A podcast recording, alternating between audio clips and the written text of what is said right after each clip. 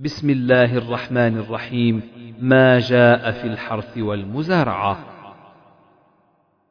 باب فضل الزرع والغرس إذا أكل منه وقوله تعالى أفرأيتم ما تحرثون أأنتم تزرعونه أم نحن الزارعون لو نشاء لجعلناه حطاما حدثنا قتيبة بن سعيد حدثنا أبو عوانة. حا. وحدثني عبد الرحمن بن المبارك حدثنا أبو عوانة عن قتادة عن أنس رضي الله عنه قال قال رسول الله صلى الله عليه وسلم ما من مسلم يغرس غرسا أو يزرع زرعا فيأكل منه طير أو إنسان أو بهيمة إلا كان له به صدقة. وقال لنا مسلم حدثنا أبان حدثنا قتادة حدثنا أنس عن النبي صلى الله عليه وسلم. باب ما يحذر من عواقب الاشتغال بآلة الزرع أو مجاوزة الحد الذي أمر به. حدثنا عبد الله بن يوسف حدثنا عبد الله بن سالم الحمصي حدثنا محمد بن زياد الألهاني عن أبي أمامة الباهلي قال ورأى سكة وشيئا من آلة الحرث فقال سمعت النبي صلى الله عليه وسلم يقول لا يدخل هذا بيت قوم إلا أدخله الذل. باب اقتناء الكلب للحرث. حدثنا معاذ بن فضالة حدثنا هشام عن يحيى بن أبي كثير عن أبي سلمة عن أبي هريرة رضي الله عنه قال قال رسول الله صلى الله عليه وسلم من أمسك كلبا فإنه ينقص كل يوم من عمله قيراط إلا كلب حرث أو ماشية.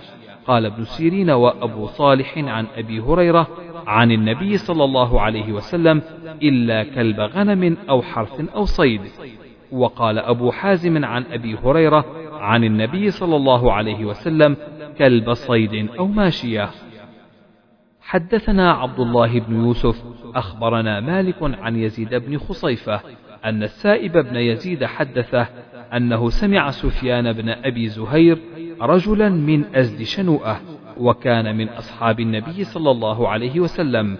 قال سمعت رسول الله صلى الله عليه وسلم يقول من اقتنى كلبا لا يغني عنه زرعا ولا ضرعا نقص كل يوم من عمله قراط. قلت أنت سمعت هذا من رسول الله صلى الله عليه وسلم؟ قال إي ورب هذا المسجد.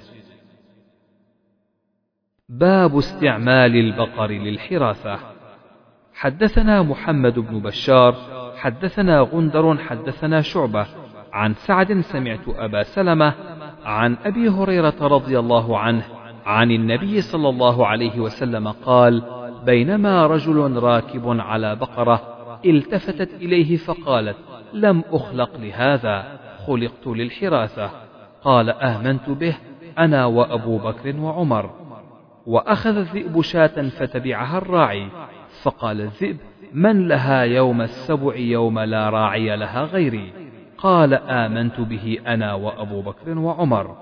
قال أبو سلمة وما هما يومئذ في القوم؟ باب إذا قال اكفني مؤنة النخل أو غيره وتشركني في الثمر. حدثنا الحكم بن نافع أخبرنا شعيب حدثنا أبو الزناد عن الأعرج عن أبي هريرة رضي الله عنه قال قالت الأنصار للنبي صلى الله عليه وسلم اقسم بيننا وبين إخواننا النخيل. قال لا فقالوا تكفون المؤونة ونشرككم في الثمرة. قالوا سمعنا وأطعنا. باب قطع الشجر والنخل. وقال أنس أمر النبي صلى الله عليه وسلم بالنخل فقطع.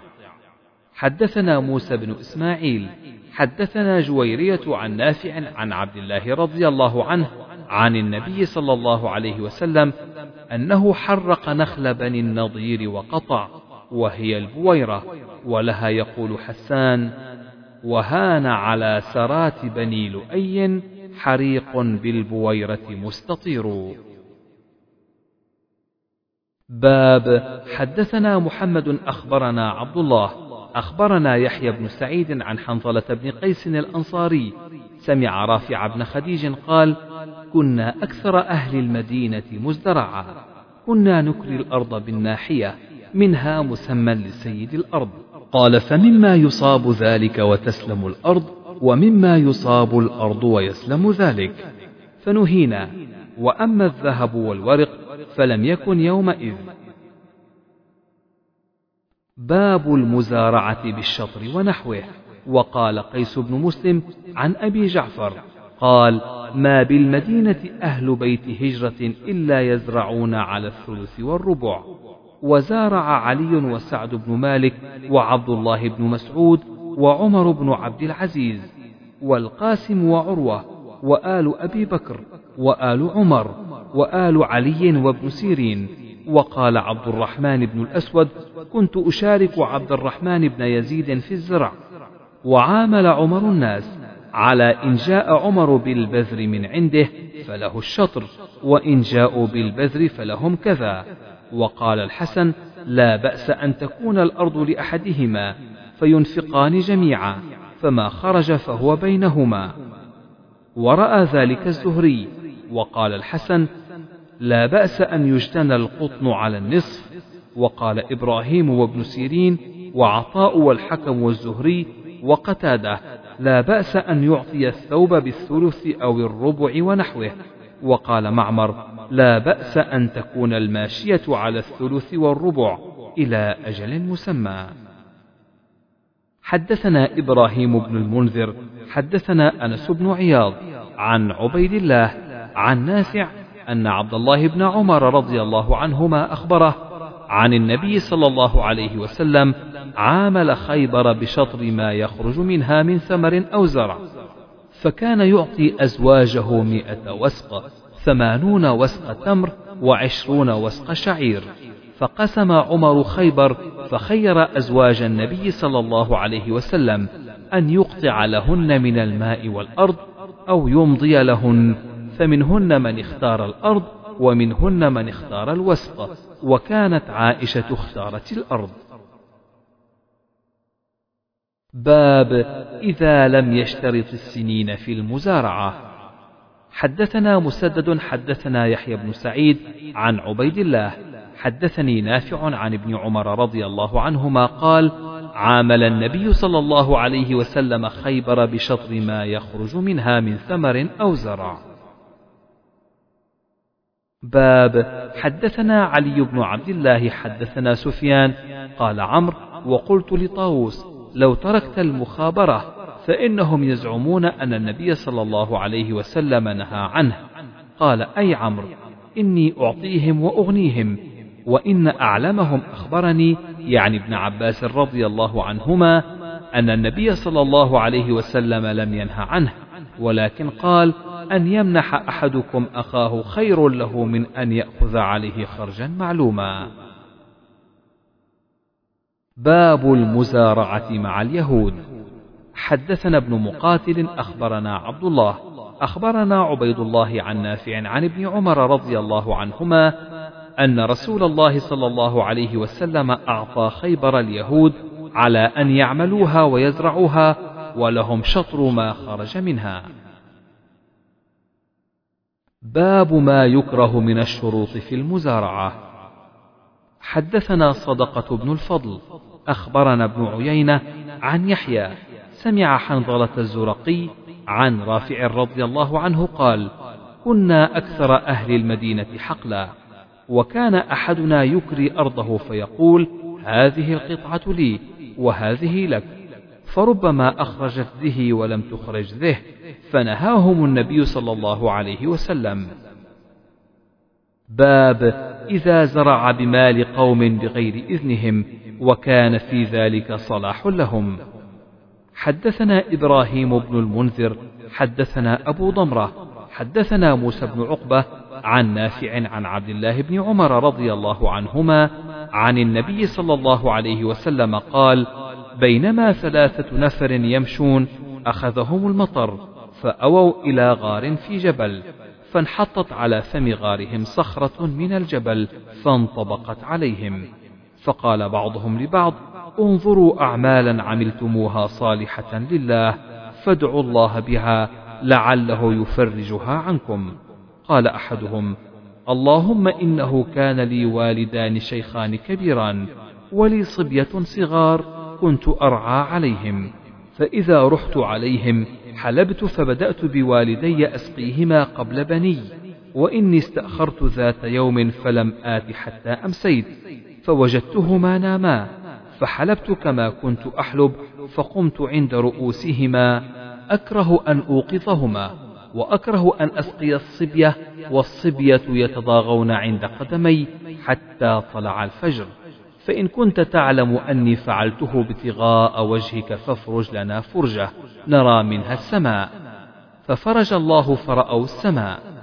وقال الآخر اللهم إنها كانت لي بنت عم أحببتها كأشد ما يحب الرجال النساء فطلبت منها فأبت حتى أتيتها بمئة دينار فبغيت حتى جمعتها فلما وقعت بين رجليها قالت يا عبد الله اتق الله ولا تفتح الخاتم إلا بحقه. فقمت فإن كنت تعلم أني فعلته ابتغاء وجهك فافرج عنا فرجة. ففرج. وقال الثالث اللهم إني استأجرت أجيرا بفرق أرز. فلما قضى عمله قال أعطني حقي. فعرضت عليه فرغب عنه. فلم أزل أزرعه حتى جمعت منه بقرا وراعيها. فجاءني فقال اتق الله. فقلت اذهب إلى ذلك البقر ورعاتها فخذ. فقال اتق الله ولا تستهزئ بي. فقلت إني لا أستهزئ بك. فخذ فأخذه. فإن كنت تعلم أني فعلت ذلك ابتغاء وجهك. فافرج ما بقي. ففرج الله. قال أبو عبد الله وقال ابن عقبة عن نافع. فسعيت. باب أوقاف أصحاب النبي صلى الله عليه وسلم وأرض الخراج ومزارعتهم ومعاملتهم.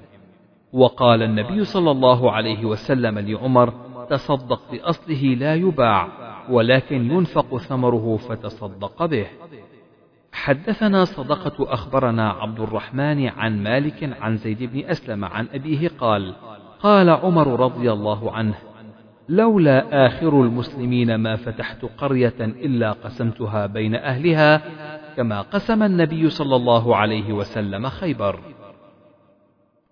باب من أحيا أرضا مواتا ورأى ذلك علي في أرض الخراب بالكوفة موات. وقال عمر من أحيا أرضا ميتة فهي له ويروى عن عمر وابن عوف عن النبي صلى الله عليه وسلم. وقال في غير حق مسلم وليس لعرق ظالم فيه حق. ويروى فيه عن جابر عن النبي صلى الله عليه وسلم. حدثنا يحيى بن بكير حدثنا الليث عن عبيد الله بن أبي جعفر عن محمد بن عبد الرحمن عن عروة عن عائشة رضي الله عنها عن النبي صلى الله عليه وسلم قال من أعمر أرضا ليست لأحد فهو أحق قال عروة قضى به عمر رضي الله عنه في خلافته. باب حدثنا قتيبة حدثنا إسماعيل بن جعفر عن موسى بن عقبة عن سالم بن عبد الله بن عمر عن أبيه رضي الله عنه أن النبي صلى الله عليه وسلم أري وهو في معرسه من ذي الحليفة في بطن الوادي فقيل له إنك ببطحاء مباركة. فقال موسى وقد أناخ بنا سالم بالمناخ الذي كان عبد الله ينيخ به يتحرى معرس رسول الله صلى الله عليه وسلم وهو أسفل من المسجد الذي ببطن الوادي بينه وبين الطريق وسط من ذلك. حدثنا إسحاق بن إبراهيم أخبرنا شعيب بن إسحاق عن الأوزاعي قال حدثني يحيى عن عكرمة عن ابن عباس عن عمر رضي الله عنه عن النبي صلى الله عليه وسلم قال الليلة أتاني آت من ربي وهو بالعقيق أن أصلي في هذا الوادي المبارك وقل عمرة في حجة.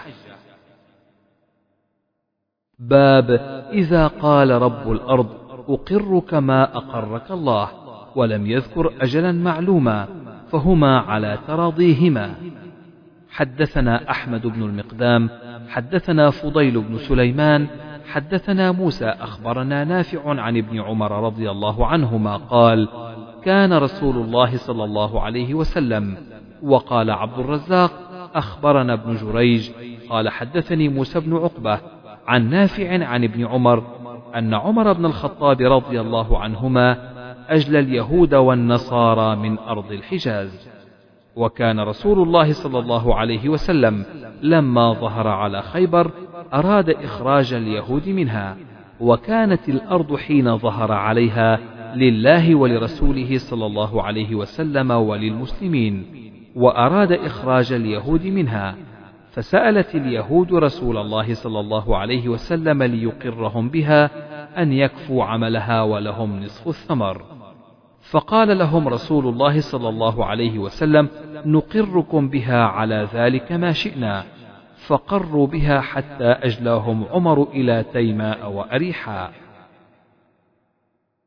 باب ما كان من أصحاب النبي صلى الله عليه وسلم يواسي بعضهم بعضا في الزراعة والثمرة. حدثنا محمد بن مقاتل أخبرنا عبد الله أخبرنا الأوزاعي عن أبي النجاشي مولى رافع بن خديج. سمعت رافع بن خديج بن رافع عن عمه ظهير بن رافع.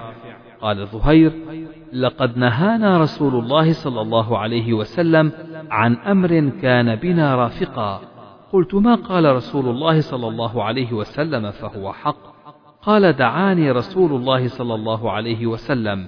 قال ما تصنعون بمحاقلكم؟ قلت نؤاجرها على الربع وعلى الأوسق من التمر والشعير. قال لا تفعلوا ازرعوها أو أزرعوها أو أمسكوها. قال رافع قلت سمعا وطاعة. حدثنا عبيد الله بن موسى أخبرنا الأوزاعي عن عطاء عن جابر رضي الله عنه قال كانوا يزرعونها بالثلث والربع والنصف. فقال النبي صلى الله عليه وسلم من كانت له أرض فليزرعها أو ليمنحها فإن لم يفعل فليمسك أرضه وقال الربيع بن نافع أبو توبة حدثنا معاوية عن يحيى عن أبي سلمة عن أبي هريرة رضي الله عنه قال قال رسول الله صلى الله عليه وسلم من كانت له أرض فليزرعها أو ليمنحها أخاه فإن أبى فليمسك أرضه حدثنا قبيسة حدثنا سفيان عن عمرو قال ذكرته لطاووس فقال يزرع. قال ابن عباس رضي الله عنهما إن النبي صلى الله عليه وسلم لم ينه عنه ولكن قال أن يمنح أحدكم أخاه خير له من أن يأخذ شيئا معلوما.